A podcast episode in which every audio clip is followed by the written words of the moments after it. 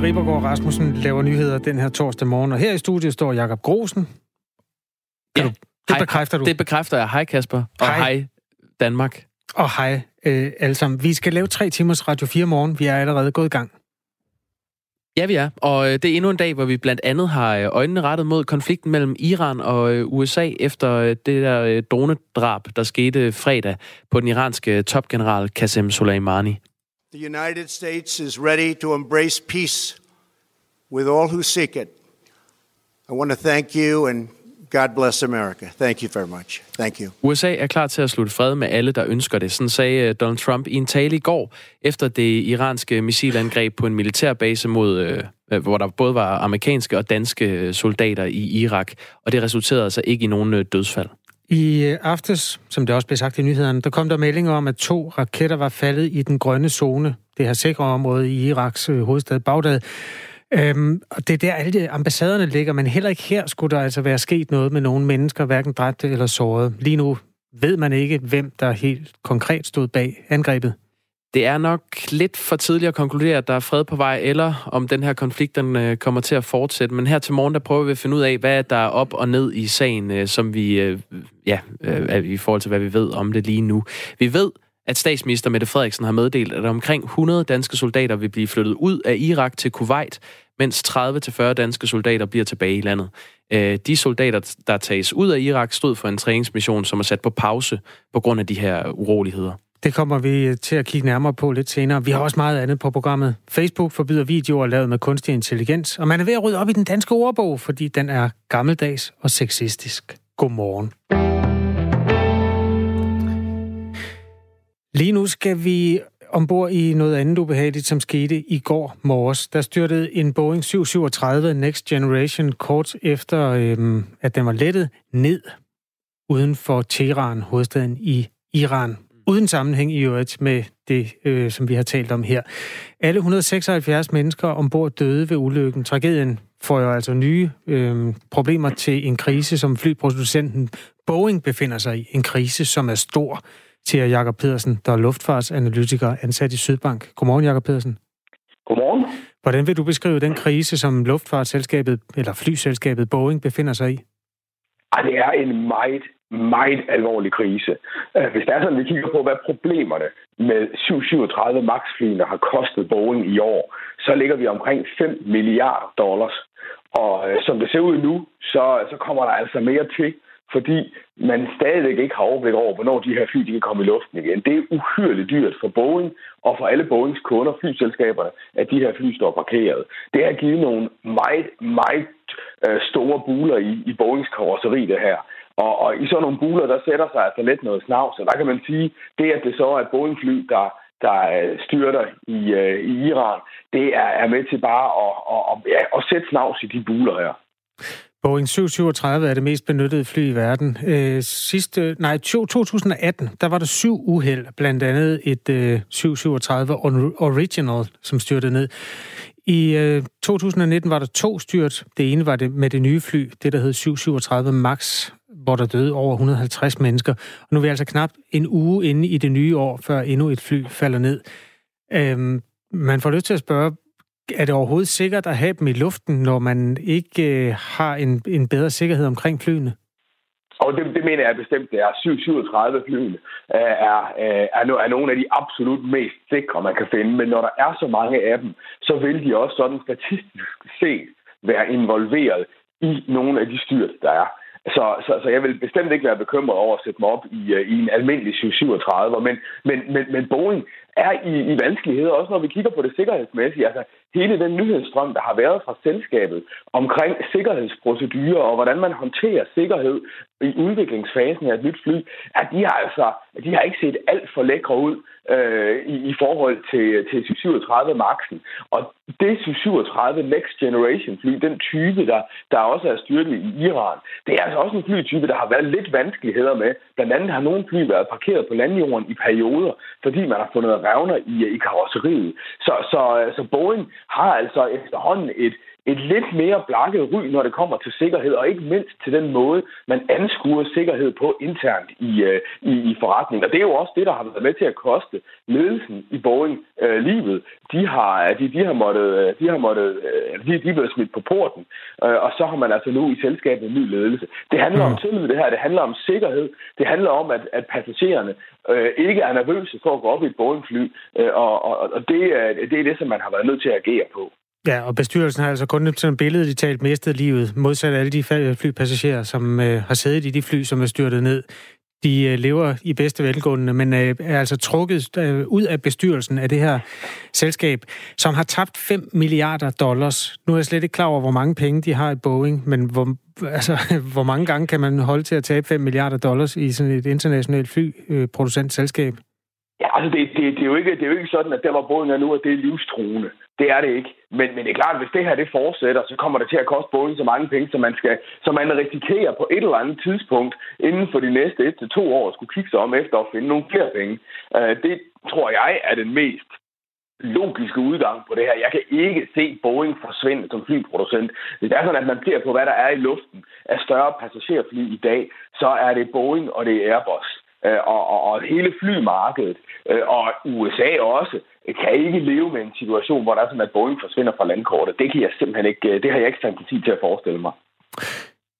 Det her, det udvikler sig, mens vi snakker, Jakob Pedersen, fordi netop nu oplyser TV2 News, at Canada kræver en undersøgelse i forhold til det her flystyrt, som skete i går. Der var mange kanadier ombord på det fly, der faldt ned uden for Teheran.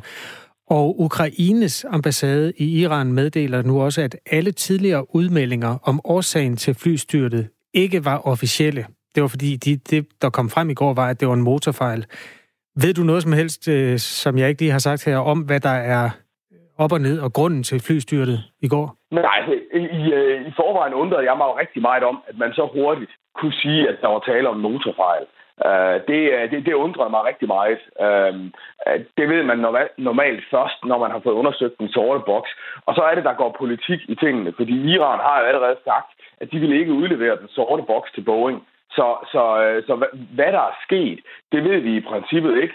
Uh, vi ved ikke, hvor, den, hvor, hvor, hvor de sorte bokser havner henne, og, og hvor, hvor den nyhedsstrøm i øvrigt vil komme fra øh, som, som kan fortælle om, hvad der er sket ombord på det her fly. Øh, er det noget, som alligevel kan kæde sammen med de uroligheder, der er nede i, øh, i regionen? Øh, eller, eller er det, er, det en, er det en fejl på flyet? Har det noget at gøre med det vedligeholdelsesservice, som flyet var til i øh, den, den 6. januar, bare et par dage inden, øh, inden styrtet? Øh, det ved vi ikke.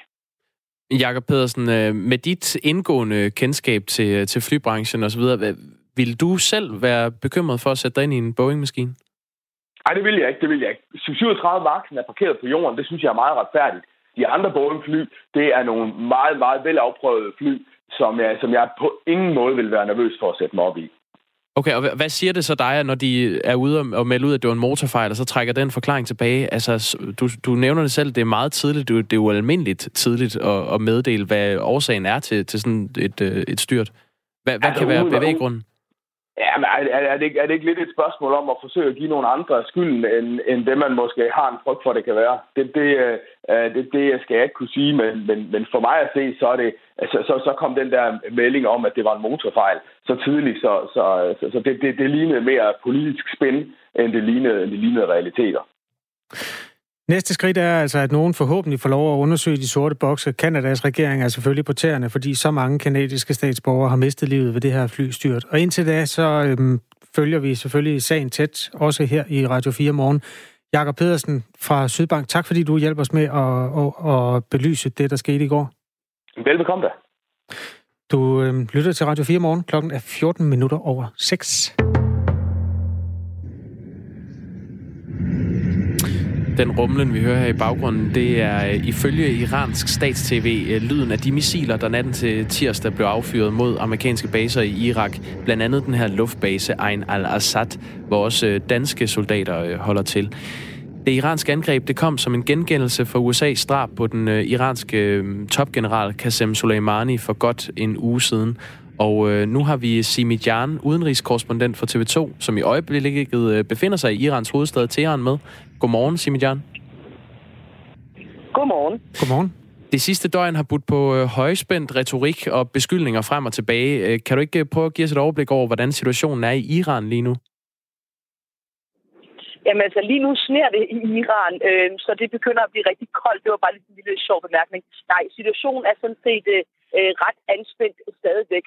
Forstået på den måde, at øh, Trumps øh, melding øh, i går øh, både havde, altså der fik han både stemplet øh, Iran igen øh, som en øh, sponsor af terror, men fik samtidig også en lidt forsonende tone, hvor han faktisk lavede en eller anden form for håndsudrækning mod det iranske regime, altså at vi skal genforhandle den atomaftale, som Trump det trak sig ud af i 2018. Den, sagde han, den skal vi genforhandle, fordi vi ønsker, at Iran skal blomstre. Øh, hvordan meldingen præcis bliver taget imod her, det er et stort spørgsmål, fordi Iran har jo hele vejen igennem sagt, at vi har overholdt vores del af aftalen, den aftale, det internationale samfund indgik med Iran, og EU har jo også fastholdt, at vi gerne vil fortsætte øh, aftalen. Men atomaftale-delen, derudover så er det selvfølgelig retorikken i forhold til de missilangreb.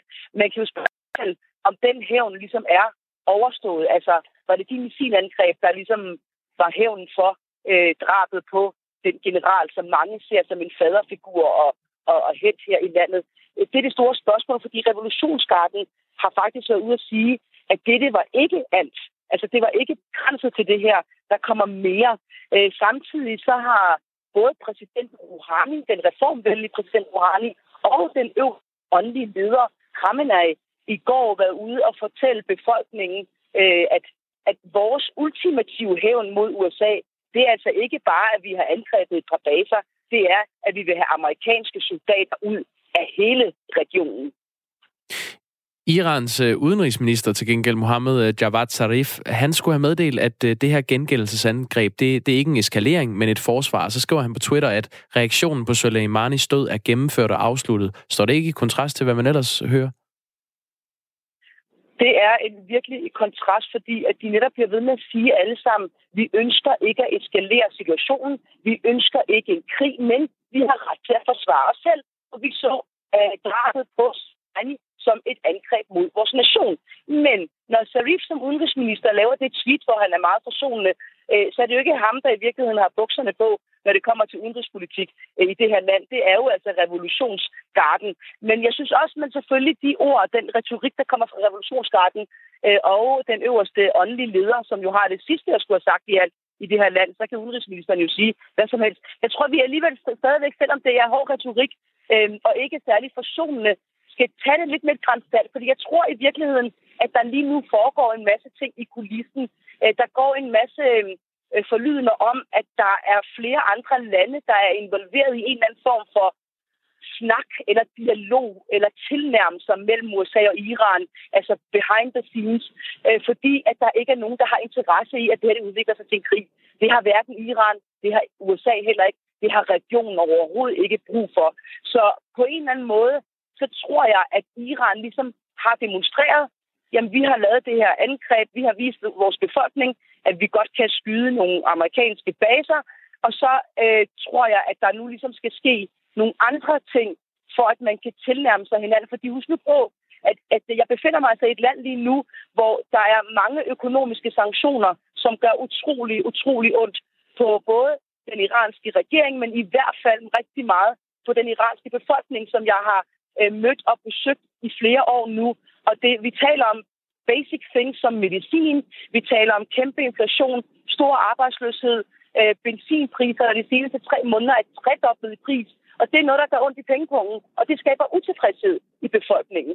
Så den iranske regering har også en interesse i at få løftet nogle af de her sanktioner og lave tilnærmelser mod Vesten, sådan så at de kan få en befolkning, der ikke er vrede og begynder at protestere, sådan som vi så for et par måneder siden, hvor der var nogle optøjer hernede. Det var en reaktion på de fine benzinpriser. Så der er ligesom mange lag i denne her konflikt.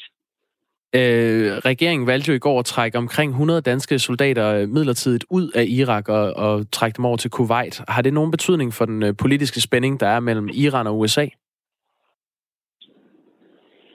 Jamen, det kan den iranske regering jo bruge indrigspolitisk for at sige, se, nu har vi fået skræmt nogle af de øh, øh, vantro soldater væk øh, fra regionen. Øh, så alt bliver jo sådan set brugt indrigspolitisk. Altså, øh, general Soleimanis død er jo også, Soleimanis død er jo også øh, noget, der bliver brugt indrigspolitisk til at samle en meget splittet befolkning.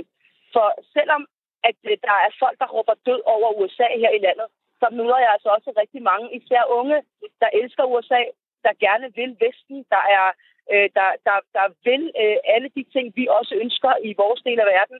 De føler sig misrepræsenteret af pressestyret, så på den måde er det også et land, der er meget, meget splittet. Øh, og derfor så har regeringen jo brugt øh, denne her generals død som en kærkommen mulighed og gave nærmest øh, til at samle befolkningen. Altså når jeg kører rundt her i Teheran, så er der kæmpe bannere rundt omkring og plakater med ham, hvor han blandt andet står og krammer den øverste åndelige leder, Khamenei. Og det er jo for at vise befolkningen, at han var så vigtig en person. Så regeringer og, og i statstv, der kører der musik, sådan noget øh, religiøs musik og heltemusik og nationalmusik og sange øh, og billeder af ham. Øh, så regeringen har i hvert fald også skudt op for, øh, at han ligesom skal være en samlende øh, figur. Og det har han sådan set til dels også formået øh, forstået på den måde, at jeg har mødt folk, der er regeringskritiske, som har været ude og protestere mod regimet, som siger, det kan jeg godt, samtidig med, at jeg nu står her og er vred over, at amerikanerne har slået en af vores generaler ihjel, for det vil jeg ikke finde mig i. Og så er der altså andre, der siger, jeg synes, regeringen hellere skulle fokusere på alle de økonomiske udfordringer og problemer, vi i virkeligheden har. Så jo, det segment, som ligesom ønsker hævn, øh, det segment, som støtter regimet og siger, vi vil se blod for blod, jamen de synes jo kun, det er fantastisk, at der er nogle vestlige soldater, der forlader øh, regionen, øh, og de andre, de er egentlig øh, relativt ligeglade med, øh, hvad, hvad der sker på den front. De er bare utrolig bange for, at det her det udvikler sig øh, til en krig. Tak for det, øh, Simi Jan, udenrigskorrespondent for TV2, og med fra Irans øh, hovedstad Teheran. Tak. Hvor det altså sner her klokken 6.22 dansk tid. Du lytter til Radio 4 morgen på en dag, hvor der trods alt er tørvejr i Danmark. Vi har en løs ende, som udspringer af et interview, vi lavede forleden dag. Den gode, glade anledning var, at øh, Veganerpartiet har simpelthen så meget vind i sejlene. Der er kommet over 10.000 vælgererklæringer, og meget tyder derfor på, at partiet er på stemmesedlen ved næste folketingsvalg. Det er de jo glade for. Og undervejs i det interview, som vi har lavet tirsdag, der kastede forperson Michael Monberg sig ud i et emne, som fik lov at blafre lidt i vinden. Hvis vi lige tager den med, øh, med rådyr, som du nævnte tidligere, at de går ud og skyder alle de syge, så tænker jeg, spiser I dem så bagefter, sådan nogle syge dyr der? Det, altså nu er jeg ikke jæger, men det oh, okay. tror jeg ikke, man gør. Nej vel? Øh, så vidt jeg ved, så de fleste jæger, de, de, de siger jo, at de går ud og skyder de her dyr, fordi så spiser de dem bagefter. Og så tænker jeg, så er det jo ikke de syge, de skyder. Så er det vel de jamen, raske. Der er, jo, der er jo to øh, elementer i det der. Der er jo den der med... Ja, jamen, det er sgu en lang historie. Jeg tror, det er det bedre, er det. at jægeren tager den med dig på et andet tidspunkt. Bilateralt. Yes. Sådan lød det i tirsdags. Øh, nu er det torsdag her i Radio 4 Morgen, og det er det sådan set også uden for Radio 4 Morgen. Og vi har fået en henvendelse fra en lytter, der kan hjælpe med at rydde lidt op i det her. Godmorgen, Sten Andersen. Godmorgen. Ikke bare jæger, men også tv-vært på et program, der hedder Jagtmagasinet på DK4. Nu har vi så ikke Michael Monberg med til gengæld, men lad os lige løse det sammen alligevel, det her. Og i øvrigt for det første, har du været inde og give en vælgererklæring til Veganerpartiet? Nej, det har jeg ikke. Nej, det vil han ellers blive glad for, sagde han lige en bisætning. øh, ja. Godt, så lad os snakke om noget andet. Spørgsmålet om dy- syge dyr, som bliver skudt ned, de bliver spist. Bliver de det? Hmm. Nej, det tror jeg ikke. Altså, det er, øh, synes jeg, en af de skrøner, der klistrer sig lidt til jagten, at vi skyder syge dyr. Øhm, ja, det gør vi sikkert også en gang imellem, og det, vi har som jæger og som naturforvalter pligt til, hvis vi ser et sygt dyr, at skyde det. Men, men altså ærligt talt, øhm, jeg vil ikke skyde et dyr, som var tydeligt sygt, hvad det så endelig skulle være, øh, og så servere det for dig, når du kom til middag hos mig. Så, øh, fordi altså, øh, vi vil jo ikke have en syg bøf. Altså, så det, det tror jeg egentlig ikke, at vi, hvis vi skulle skyde et sygt dyr, så også spiser det. Men ja. vi skyder en masse andre dyr, som vi spiser med stor glæde. Og, og øh, nu, nu må jeg tilstå, at jeg ikke lige er, er fuldt, fuldt opdateret på konteksten. Men må jeg ikke sige, at, at veganere og vegetarer har jo taget et valg. Mm. De, har, de har simpelthen øh, ud fra øh, nogle personlige etiske overvejelser besluttet sig for, at de vil ikke deltage i det der med at, at slå dyr ihjel.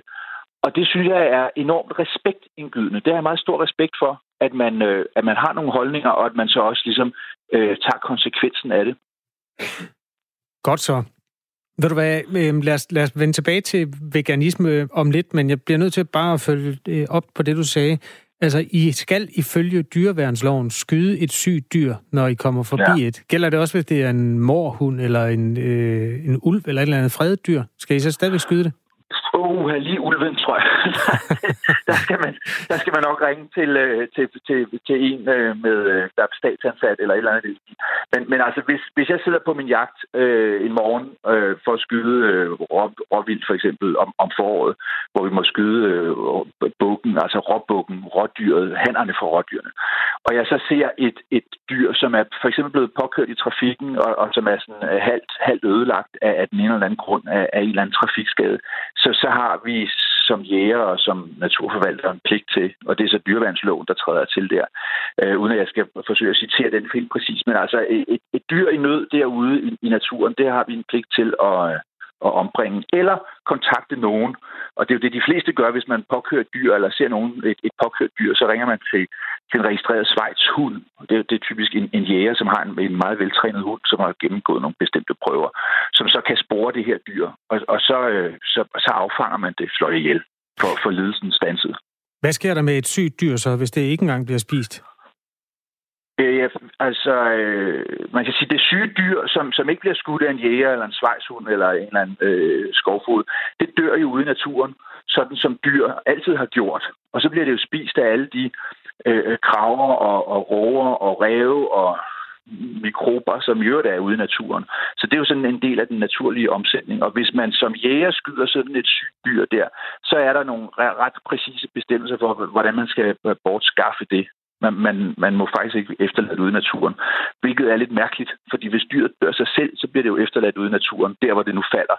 Mm. Men, men hvis jeg skyder det, så må jeg ikke lade det ligge. Men, men sådan er øh, Danmark et meget velreguleret land, så, så der er bestemmelser for det meste, ja. og også på den slags ting. Men mikroberne er ikke blevet veganere endnu i hvert fald, trods det, at øh, Veganerpartiet har ret stor opbakning.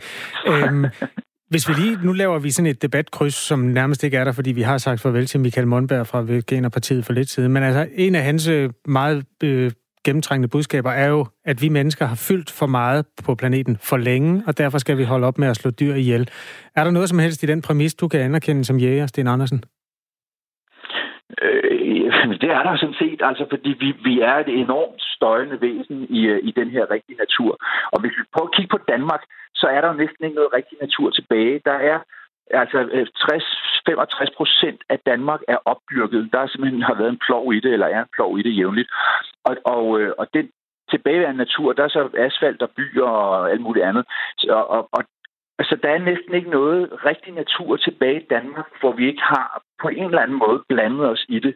Så, så på den måde er vi jo virkelig blevet øh, en, en, øh, en, en art, som, som, øh, som trykker alle mulige andre arter. Den præmis kan jeg sagtens forstå. Men hvis man nu for eksempel kigger på det i sådan en mere klimaorienteret perspektiv, så, så er der bare rigtig god idé i at øh, skyde noget vildt og spise det. Altså, der er forskellige svenske undersøgelser, der viser, at sådan et rådyr når man, skyder, når man leverer et kilo kød, så har det et, et CO2-aftryk, der svarer til cirka et kilo CO2. Øh, hvis det var oksekød, så er det 14 eller 40 kilo, er der nogen, der siger. Hvis man spiser salat, mm. hvad man vist gør, når man er veganer eller grøntsager, så er CO2-aftrykket 6 kilo per kilo grøntsager. Oh. Så, så hvis man vil miljøet det rigtig godt, så skal man tage og gå noget mere på jagt og spise noget mere af dit kød. Jeg vil ønske, at jeg havde øh, tjekket de der tal på forhånd, fordi de, de skulle øh, sige, at nu får vi garanteret øh, post fra nogen, der øh, har andre tal, og det skal man altid være velkommen til øh, at stemple ind i Radio 4 morgen. Indtil vi er i stand til at følge den mere videnskabeligt til dør, så tror jeg simpelthen bare, at jeg vil sige af hjertet tak, fordi du gav lyd til os, Sten Andersen. jeg er til tjeneste. Sten Andersen, som er jæger og også tv-vært på et program, der hedder Jagtmagasinet på den hedderkronede danske fjernsynskanal, der hedder DK4. Ja, med det blev klokken øh, næsten halv syv, og vi er klar med et nyhedsoverblik ved Sine Ribergaard Rasmussen.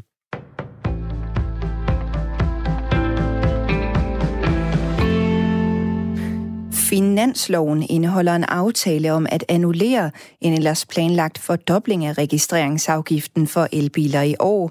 Og det er godt, fordi det kan holde gang i det opadgående salg. Men så længe der ikke ligger en langsigtet plan for afgifterne, så skaber det usikkerhed, både for sælgere og for potentielle købere af elbiler. Sådan lyder det en del høringssvar fra organisationer. Og i dag første behandler Folketinget lovforslaget om at annullere stigningen i registreringsafgiften for eldrevne køretøjer og plug-in hybridbiler. Hos organisationen Bilbranchen, der er en del af Dansk Industri, kvitterer direktør Thomas Møller Sørensen for, at afgiften alligevel ikke bliver fordoblet i år, men bliver fastholdt på 20 procent ligesom sidste år. Men han mener, at der er brug for en langsigtet løsning, for hvis der ikke kommer sådan en, bliver det svært, siger han. Så vil vi blive ved med at have sådan en, en stop-and-go-politik, hvor både forbrugere, altså bilkøbere, men også branchen er tøvende i forhold til at få, få foretaget de rette investeringer. Så der er simpelthen brug for, at vi kender reglerne så mange år frem i tiden som overhovedet muligt, så vi ved, både som forbrugere og som branche, hvad det er, vi skal investere i. Lovforslaget det kommer som en udløber af det, der i december blev aftalt i finansloven mellem S-regeringen, de radikale SF, Enhedslisten og Alternativet. Hos branchefællesskabet Dansk Elbil Alliance, der hører under Dansk Energi, ser man også gerne en langsigtet løsning hurtigst muligt. Dels er der nogle bilkøbere, der skal øh, være trygge ved at købe en elbil. Og, det, og der er usikkerhed om afgifter, det er altid skidt. Øh, og det andet, det er så bilforhandlerne, som, som øh, bestiller biler hjem fra fabrikkerne. Og, og det gør de jo nogle, øh, nogle gør det et helt år i forvejen, og så skal de jo gøre det på baggrund af nogle afgifter, de ikke helt kender. Det siger Søren Jakobsen, der er chefkonsulent i Dansk Elbil Vestlige efterretningstjenester vurderer på baggrund af de første forløbige undersøgelser, at det ukrainske fly, som onsdag styrtede ned i Iran med 176 ombord, ikke blev skudt ned af et missil. Det siger en kanadisk efterretningskilde, som ønsker at være anonym. Kilden siger, at Boeing 737-flyet efter alt at dømme styrtede ned på grund af en teknisk fejl, og at der ikke er nogen beviser, som tyder på, at der blev affyret missiler mod flyet, hvilke efterretningstjenester som står bag vurderingen, er ikke oplyst, men Kanada er en del af det såkaldte Five Eyes. Det er en efterretningsalliance, som omfatter de engelsktalende lande, Australien, Australien, Kanada, New Zealand, Storbritannien og USA. De australske myndigheder udsendte i nat dansk tid nye advarsler om brænde og evakuerer igen, fordi den ekstreme varme er vendt tilbage. Efter flere dages køligere vejr er temperaturen igen ud over 40 grader i det sydlige Australien, og det har forstærket de mange kæmpe store brænde. På turistøen Kangaroo Island i den sydlige delstat South Australia er militæret sat ind for at evakuere dele af øen. Det skriver det australske medie Nine News News. Indbyggerne på øen har fået at vide, at de har fem minutter til at forlade deres hjem af militæret, der torsdag formiddag lokal tid er gået fra dør til dør og har evakueret og et kig på dagens vejr fra DMI. Det bliver skyet med udbredt regn fra sydvest, lokalt i den nordlige del af Jylland måske slud. Let til frisk vind fra syd og sydøst og temperatur mellem 4 og 10 graders varme, varmest i Sønderjylland. Og her i morgentimerne er der risiko for rimglatte veje i den nordlige del af Jylland og den nordlige del af Sjælland. Så pas på, når du skal ud derude.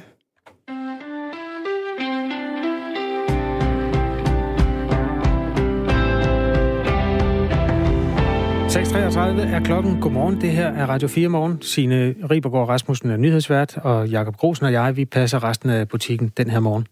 Det gør vi, og vi skal til historien om øh, Facebook, som har forbudt brugen af det, der hedder deepfakes. Uh, det er videoer, der er redigeret med brug af kunstig intelligens, så det ligner og lyder som en person.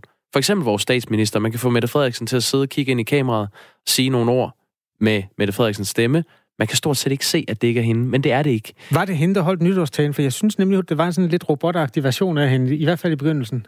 Det, det ved jeg ikke, det må du lige øh, uddybe. Hvordan? Jamen, det er bare den måde, der, det, den zoomer ind. Altså, jeg synes ikke, det var den rigtige med det. Der var et eller andet meget stift. Tænk en afsløring, vi kunne lave. Ja, det tjekker jeg på, mens øh, vi går Så videre de 9 af de 16 minutter, der handlede om børnene, det var en robot?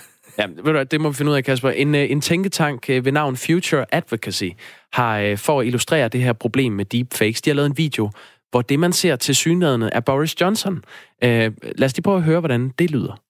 My friends, I wish to rise above this divide and endorse my worthy opponent, the Right Honourable Jeremy Corbyn, to be Prime Minister of our United Kingdom. Only he, not I, can make Britain great again.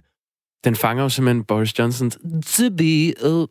I videoen øh, giver han sine varmeste anbefalinger til Jeremy Corbyn. Øh, han burde være premierminister. Kun han, ikke jeg, kan gøre Storbritannien great again. Men det er altså falsk. Og der er også en med Jeremy Corbyn. Øh, lad os lige prøve at høre ham. Han roser så Boris Johnson. I'm urging all Labour members and supporters to consider people before privilege and back Boris Johnson to continue as our Prime Minister a Prime Minister that works for the many and not the few. Ja, jeg anbefaler alle Labour-støtter at tænke på folket frem for personlig vinding og stemme på Boris Johnson til at fortsætte som premierminister. En premierminister, der arbejder for de mange og ikke de få. Jamen, han lyder så glad, så alle kan høre, det er fake. Ikke? Er det, er det nu, vi skal afsløre, at jeg er alene i studiet og sidder og taler med en kunstig intelligens, der hedder Kasper Harbo? Det er nu, du skal afsløre, at du sidder alene i studiet. Nå, det er videoer, der er manipuleret på en måde, som Facebook øh, nu har forbudt. Nu kan vi sige godmorgen til Anders Kofod Petersen, professor i kunstig intelligens. Godmorgen, Anders. Godmorgen. Godmorgen. Øh, hvor svært er det at se, om de her deepfake-videoer er ægte eller falske med den øh, teknologi, vi har i dag? Altså, de bliver bedre og bedre. Øh, I dag er det næst, hvis det ikke er lavet godt nok, så er det næsten umuligt for os to med det nøgne øje at se forskel. Hvordan kan man så se forskel? Altså pt. så kan vi stadig se nogle, med et stykke software, så kan vi se nogle tekniske, skal vi kalde dem små fejl, i de her film, som indikerer, at de er manipuleret. Men det er også øh, en stakket frist. Hvad, hvad kan det være for nogle fejl, man kan kigge efter? Jamen, der sker et eller andet med, med selve videofilmen, når man manipulerer den, som vi simpelthen ikke kan se med, med vores øje. Men øh, der, vi kalder det tekniske artefakter. Så der opstår sådan nogle bitte små fejl i de her videoer, som du kan analysere dig frem til.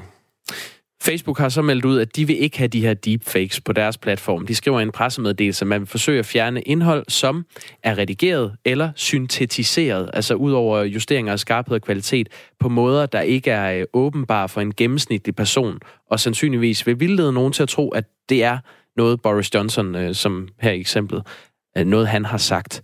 Øh, det er et produkt af kunstig intelligens eller maskinlæring, der fusionerer, erstatter eller overlejer indhold ind på en video, som fejlagtigt får den til at fremstå autentisk. De forbyder det nu. Vil det betyde, at vi bliver fri for de her falske videoer? Nej, ikke rigtigt. Øh, altså, selvfølgelig er det da prisværdigt at forbyde den slags ting, men, men det, man tænker også, at der nok er en teknisk løsning på det, at Facebook så kan kigge på alle de her videoer og så smide dem ud. Og det kan de måske i dag, men det er meget, meget, meget kort tid så den eneste måde rent faktisk at handle på det, det er, at øh, jeg skriver til Facebook og klager, hvis nogen har lagt en video ud af mig, som taler om et eller andet dumt. Altså, når du nu er professor i kunstig intelligens, Anders Kofod Petersen, er du så, øh, hvad skal man sige, et sted i verdenshistorien, hvor du synes, det er enormt fedt, at det her kan lade sig gøre, eller er du et sted i verdenshistorien, hvor du er enormt bekymret over mulighederne i at lave falske, for eksempel falske Boris'er, som den vi hører her? Altså, livet er jo en græsk tragedie, ikke? øhm, er det det? så, så fra et sådan et lidt nørdet perspektiv, så kan man sige, at det er jo super cool, at det her det kan lade sig gøre. Det er jo virkelig, altså, det er jo fantastisk, at man har fået udviklet den teknik. Øhm, hvis man så lige parkerer det et øjeblik, så er det klart, at det åbner også nogle, nogle døre for, skal vi kalde det, uheldige adfærd, ikke? Øhm, men der er jo sådan set ikke noget nyt i det. I gamle dage, så hed det propaganda. Nu hedder det fake news, ikke? Øhm, så, så forskellen nu er egentlig, at fordi der har været en demokratisering af teknologien, så kan min, i princippet min 13-årige datter, hun kan sætte sig ned og lave sådan en deepfake, ikke? I gamle dage, så skulle hun bruge 200 mand i et kontor i Moskva for at gøre det samme. Øhm, så der er ikke noget entydigt svar på det. Det er godt og skidt. Du nævner selv uh, fake news, og det gør du ikke ligefrem nemmere at dæmme op for fake news, at man kan lave videoer, der ser ud som om, at uh, Obama eller Mette Frederiksen eller uh, Boris Johnson sidder og siger noget, de ikke har sagt. Altså, hvordan, uh, hvis der ikke er en teknologisk løsning, hvordan kan vi så undgå, at, uh, at det her det bliver spredt? Ja, det er jo en våd drøm for propagandaapparat, ikke? Øhm, man kunne godt ønske, at der var en teknisk løsning, ikke? Men det er der jo ikke. Så øh, vi skal nok tilbage til de klassiske dyder, som vi lærte som små børn. Og det er det her med kildekritik, ikke? At øh, en ting er, at jeg som konsument må kunne forholde mig kritisk til en, lad os så kalde det en nyhedssag, ikke? Det skal vi selvfølgelig opdrage vores børn til. Men måske endnu vigtigere, så vil jeg sige, at medie, mediehusene, om det for eksempel er jer eller Facebook, det er sådan set ligegyldigt, øh, er jo nok nødt til at træde i karakter og så genopleve de her klassiske dyder med kildekritik og den slags ting. Sådan at, for jeg kan ikke forholde mig til hver eneste videosnyt i hele verden, men måske jeg kan forholde mig til et mediehus og sige, jamen de har, de har styr på deres ting, ikke? De, de ved, at det her, det, det er ikke sandsynligt, at Mette Frederiksen, hun pludselig befandt sig i Sibirien en halv time efter, hun var i København, eller hvorfor skulle hun udtale sig om XYZ, hvad ved jeg, den slags ting. Så det er egentlig, det koger ned til, at vi som mennesker er nødt til at være ordentlige mennesker. Jeg kunne godt lide det øh, historiske perspektiv, som du ridsede op for lidt siden, øh, Anders Kofod Petersen, at du sagde, at jamen, propaganda har altid eksisteret. Er det i virkeligheden den samme procentdel af befolkningen, som ikke er, hvad skal man sige, i stand til at skelne mellem propaganda og, og fake news, som, nej, propaganda og ægte news, som det altid har været, tror du? Jeg tror ikke, der er nogen stor forskel. Altså, så den, den fundamentale forskel nu, det er den her demokratisering, ikke?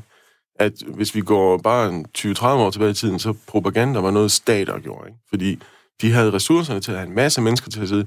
Vi husker alle de her klassiske historier fra Sovjetunionen, hvor folk kom op på billeder, og så forsvandt de igen. Og sådan, ikke? Øhm, men i dag så er det demokratiseret. Det er jo udgangspunktet super godt, at to mennesker i en kælder kan skabe fantastiske ting. Men i dag kan så hvem som helst jo sådan set lave propaganda. Jeg kan sætte mig ned og lave propaganda mudders alene en fredag aften. Ikke? Øhm, men i sidste ende er det propaganda, og i sidste ende er det antageligvis også, lad os så sige, anførselstegn, de samme mennesker, som er modtagelige over for den type ting. Og man kan sige, at Facebook tager jo også konsekvensen af, at, at mange får deres nyheder fra deres Facebook-feed. Så nu er de her deep, deepfakes altså ude. Øh, ja, tak til dig, Anders Kofod Petersen, professor i kunstig intelligens. Du lytter til Radio 4 Morgen, og det er to rigtige mennesker, der kan fortælle dig, at klokken er blevet 6.41. Vi skal lige vende blikket mod USA og krisen med Iran, der natten til i går angreb amerikanske militærbaser i Irak. Donald Trump talte i går til nationen om krisen. Our great American forces are prepared for anything. Iran appears to be standing down which is a good thing for all parties det amerikanske militær er forberedt på alting. Iran ser ud til at trække sig tilbage, hvilket er godt for verden, sagde Donald Trump. Det her øh, angreb var et direkte modsvar på amerikanernes drab på topgeneralen Qasem Soleimani, der betragtes som nummer to i det iranske regimes hierarki. Med fra Washington er journalist Peter Keldorf. Godmorgen, Peter. Godmorgen til jer. Ja, godmorgen i vores godmorgen. optik i hvert fald. Hvordan ja, det, er lidt, det er lidt sent for mig, ja. ja, det kunne jeg forestille mig. Øh, hvordan opfattes Trumps tale til nationen? Jamen, det blev opfattet meget øh, positivt. Altså lidt øh, som en overraskelse, at Trump på en måde rakte hånden ud til Iran og forsøgte øh, at deeskalere situationen. Amerikanerne herover de bruger udtrykket, at han tog en off-ramp, altså et billede på en motorvej, hvor vi alle sammen kørte derud af med 170 km i timen på vej mod krig, så har Trump taget afkørselen lige inden, at vi ramte ind i den her krig med Iran hvilket jo er, er, er meget godt for, for de fleste af os. Øh, og Trump sagde også, at USA indfører nye sanktioner mod Iran. Han lagde også op til, at man skulle genforhandle atomaftalen med Iran og vil have de andre NATO-lande, altså Danmark for eksempel, bliver mere involveret i regionen. Men hovedbudskabet, øh, det over grundlæggende i det, var altså, at øh, USA opfatter det her angreb som måske et mere symbolsk og et mindre angreb, og altså er klar til at lade det fare til ikke at svare igen, og, og dermed så ser det ud til, i hvert fald øh, på nuværende tidspunkt, at, at den her øh, mulige militære konflikt, konflikt øh, den bliver neddroslet. Der har været en masse forlydende om, hvorfor det var, at det her angreb ikke blev så slemt. Blandt andet var der jo en advarsel om, at der ville komme nogle raketter, så de øh, mennesker, der befandt sig i nærheden af basen, de kunne øh, søge i sikkerhed. Der var også noget af iranske propaganda ude. Nu kalder jeg det propaganda, fordi det ikke passede. Altså, at der skulle være 80 dræbte, det har man opløst indad til. Øhm, at, at har amerikanerne egentlig reageret på det, at man har formuleret sig over for den iranske befolkning på en ja, decideret forkert måde omkring, hvad, hvad det her angreb egentlig har betydet i den store skala? Ja, ja, altså det har man været ude at sige, og det, det mener man jo selvfølgelig overhovedet ikke passer, og har været ude at sige her fra øh, amerikansk side, at øh, de jo ikke har haft nogen øh, casualties, at der ikke har været nogen døde. Øh, og hvad skal man sige, det vigtige for begge parter i det her øh, er jo, at de kan gå ud til deres hjemmepublikum og sige, at de har fået en sejr. Øh, iranerne med, som du siger, deres helt øh, forfejlede øh, propaganda om, at der var 80 døde. Øh, og, og Donald Trump øh, kan jo så også gå ud til sit publikum og sige, se, øh, jeg kunne rent faktisk godt øh, slå en øh, topgeneral ihjel, øh, altså nummer to i øh, iranernes øh, hierarki, og øh, i princippet slippe øh, fint ud af det og stå stærkt. Og det, var sådan, det er sådan set det vigtige, og det er årsagen til, at vi sådan, øh, i hvert fald lige nu, at det er stadigvæk tidligt i konflikten, eller hvad man skal kalde det, til tidlig udvikling, øh, efter det her angreb, ser ud til, at, man, at begge parter er klar til at, ligesom at sige, okay, det var ligesom det.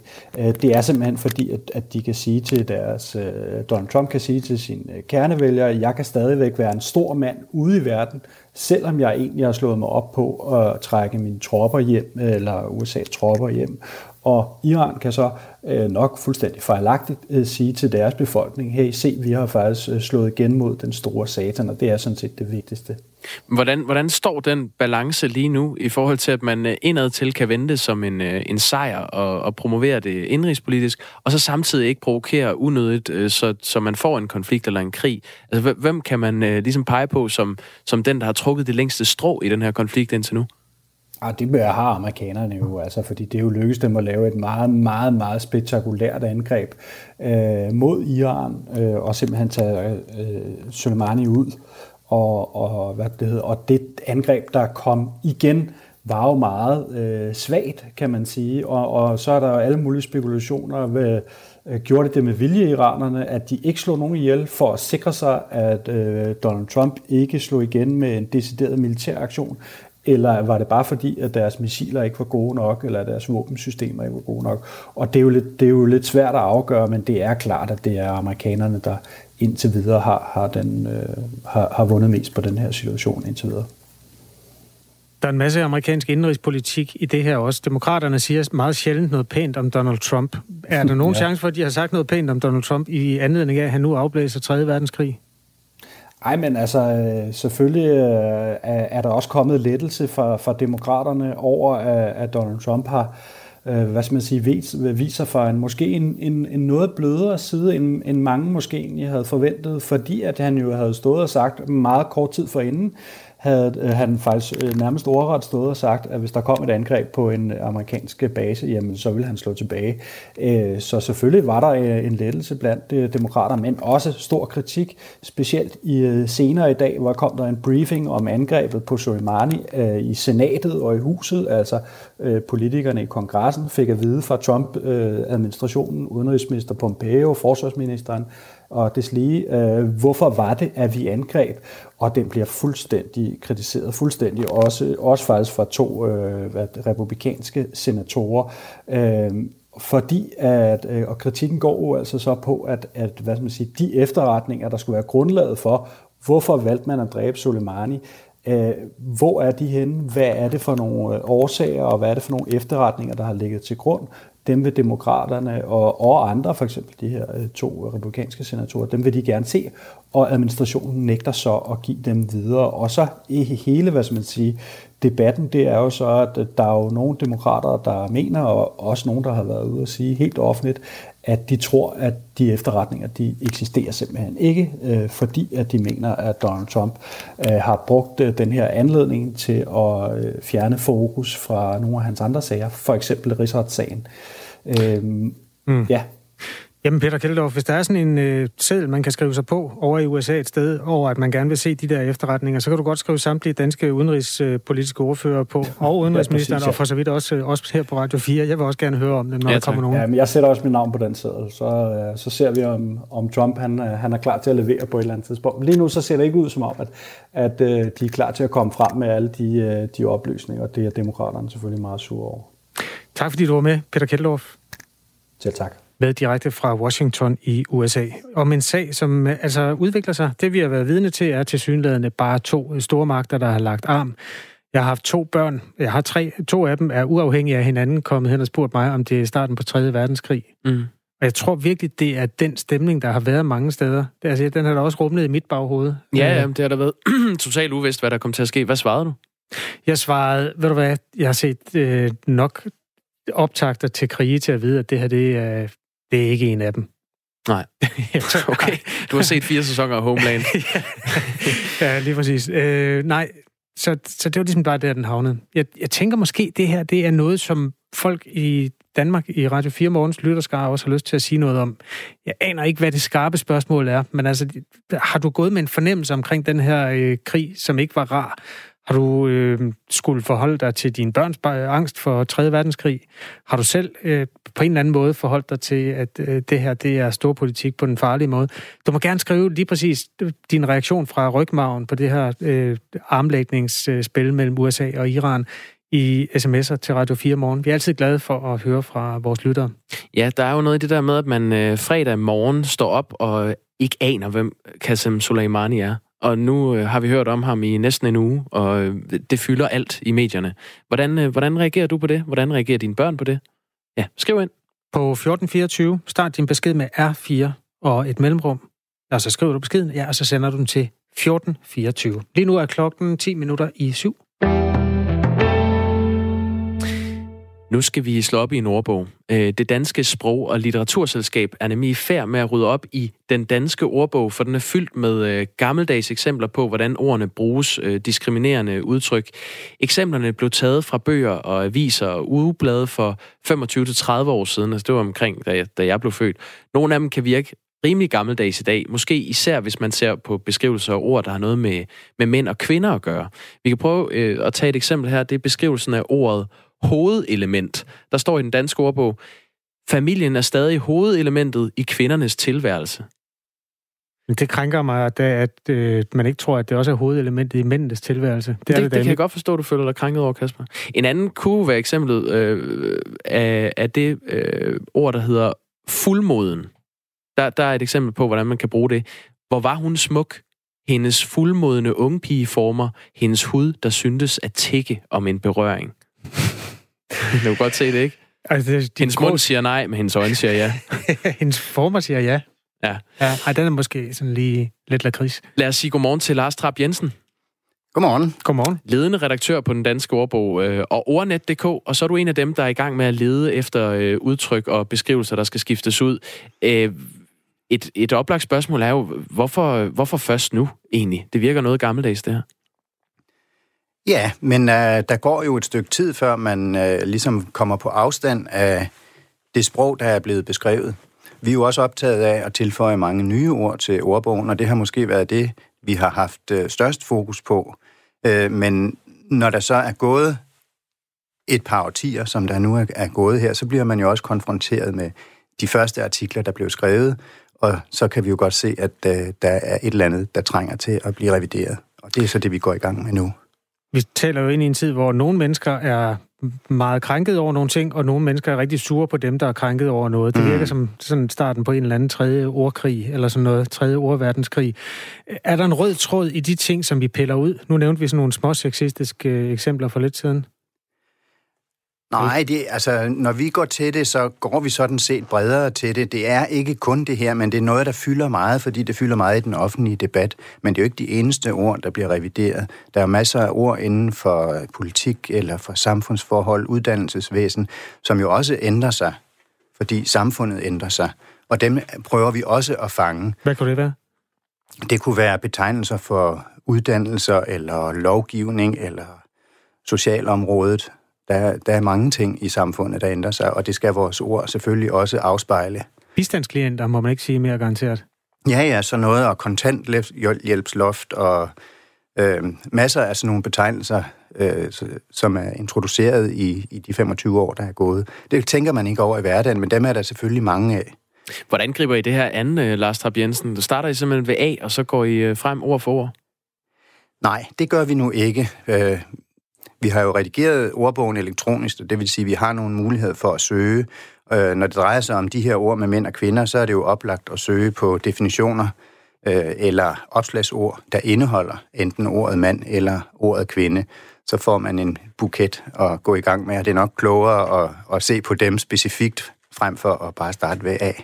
Ja, øh, nu kom jeg med et eksempel før. Det var jo ordet hovedelement, man, man slår op, mm. og så står der så som beskrivelse, at familien er stadig hovedelementet i kvindernes tilværelse. Jeg ved ikke, hvad der står med ved opvask eller støvsugning eller sådan noget. Mm. Men det, det kunne også være. Men når I søger på kvinder, kommer, kommer de eksempler så også frem? Altså, hvordan man bruger et, et andet ord, der ikke har noget med kvinder at gøre, hvor kvinder så kan indgå? Ja, altså så er det, så er det hvis man søger i citaterne, ikke? hvis der er en skævhed i, i udvalget af de citater, vi bruger til at illustrere betydningerne med, der søger vi også.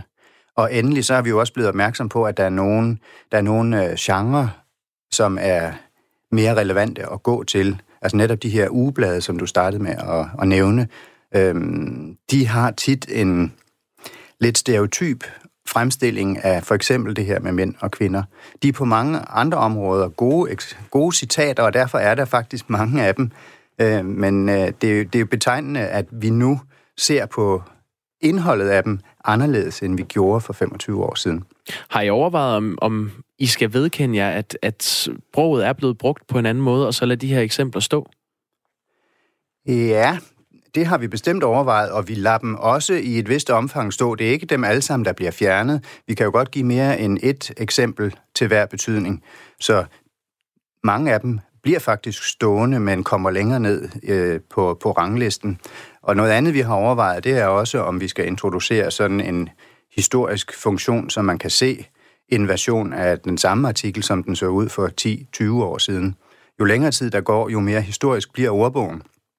Og skal man bruge den for eksempel til at forstå tekster, der er blevet skrevet i 1990'erne, så er det måske bedre at se den beskrivelse, der svarer til den tid, som ens tekst er fra, frem for den helt aktuelle. Hvor kommer det her initiativ egentlig fra? Som regel starter det jo med nogen, der er vrede. Har I haft øh, shitstorm over jeres formuleringer? Ja, men det har vi da. Vi har haft for, vi får mange henvendelser. Når man har mere end 100.000 mennesker, der hver eneste dag går ind og bruger vores ordbog, slår op, så er der selvfølgelig også en del af dem, der melder tilbage, hvis der er et eller andet, de bliver stødt over. Det er ikke, det er ikke den eneste måde, vi bliver gjort opmærksom på det, men det er en af måderne. Men det, jeg hørte dig sige, øh, Lars Trapp Jensen, det er, at, at jeres ordbog både skal have en funktion, der hedder sådan noget historisk forklaring af, hvordan man har brugt ord, og samtidig også være et, et nutidigt opslagsværk. Det må være øh, lidt svært at navigere i. Jamen, det er det da også. Øhm, men øh, det er lige præcis den balance, vi skal prøve at, at finde. Hvad, hvad er det værste eksempel? Hvad er det grældeste ord, du, øh, du har læst, hvor du tænker, okay, den er godt nok helt gal? Jamen, jeg vil ikke fremhæve et enkelt ord. Oh, øh, der, har jo været en, der har jo været en del, der er, er fremme. Øh, men det, det, er mere, det er ikke så meget det diskriminerende, det er det stereotype. Øhm, når man om hushjælp skriver, at det er en person, ofte en kvinde, der er ansat til at udføre husligt arbejde, så er det jo ikke forkert. For det er, hvis, hvis man går ud i samfundet og ser, så er det oftest kvinder, men nu føles det lidt, det føles overdrevet specifikt, når det nu sagtens kan være arbejde, der er udført af mænd. Det samme kan man jo sige om en masse række, en, en, en række andre fag, hvor det typisk er det ene eller det andet, men det er lidt overflødigt at skrive det, fordi vores opmærksomhed bliver sporet hen i den retning. Nu er der også kommet en del øh, flere køn til, siden den der ordbog blev trykt sidste gang, så det skal I jo sikkert også øh, tage i ed. Øh, Lars Trapp Jensen, hvad med de der, den der formulering, vi hørte i starten? Hvor var hun smuk? Hendes fuldmodende ungpigeformer, hendes hoved, der syntes at tække om en berøring. Tror du, den får lov at overleve? Helt sikkert ikke som øh, første citat. Måske som et, der kommer længere nede på listen. Nå, hvorfor det? Det er jo stadigvæk et stykke sprog, som øh, findes derude, og vi, det er jo ikke, fordi vi skal censurere os selv, øhm, men det giver, hvis man ser i hver eneste artikel det samme verdensbillede fremstillet på den her måde, så er der selvfølgelig noget galt, så der skal være balance i tingene. Hans fuldmodende ungmandeformer, hans hud, der syntes at tække om en berøring. Og det virker ikke på samme måde. Det kan ikke det samme. Jeg forstår godt, øh, I, I, skal veje dem på guldvægten, Lars Træk Jensen. det er 140.000 ordbeskrivelser, øh, som I skal holde opdateret. Hvornår er I færdige med det her arbejde? Det er vi i princippet aldrig. Øhm, det er jo, sproget udvikler sig hele tiden, og hvis man skal være på forkant med situationen, så kræver det en indsats hele tiden. Øh, og det er jo det, der er den store forskel på at lave ordbøger, der ligger på nettet, øhm, frem for at, at, at lave en trygt ordbog. Og sådan startede vi jo faktisk for 25 år siden. Der var tanken, at vi skulle lave ligesom et snapshot af sproget, og så beskrev vi sproget i en 10-årsperiode, ud fra et eksempelmateriale. Øhm, så der var ikke lagt, lagt der var der ikke lagt op til den her sproglige udvikling, den historiske dimension. Den tænkte vi ikke på. Den er først kommet til siden. Og der er jo hvert år nye ord, der kommer til, og andre gamle, der ryger ud. Så det, ja, fortsat god arbejdsløs, kan man sige. Du bliver ikke arbejdsløs, Lars Harp Jensen. Ledende redaktør på øh, Den Danske Ordbog og ordnet.dk. Og hvis du opdager et øh, forældet udtryk et sted i din ordbog, eller for så vidt et andet sted i samfundet, så er du også altid velkommen til at tage fat i os. Øhm, vi er selvfølgelig klar til at holde de ansvarlige øhm, ansvarlige for det, den slags. Ja. For eksempel, øh, hvis du støder på noget i ord. Der er åbenbart 100.000, der bruger den om dagen. Det er saftsus med mange kunder i butikken. Det er flere, end der hører Radio 4. Om dagen? Om dagen. Det er imponerende. Ja, jamen øh, klokken den er blevet syv, og Signe Ribergaard Rasmussen, hun står klar med et nyhedsoverblik.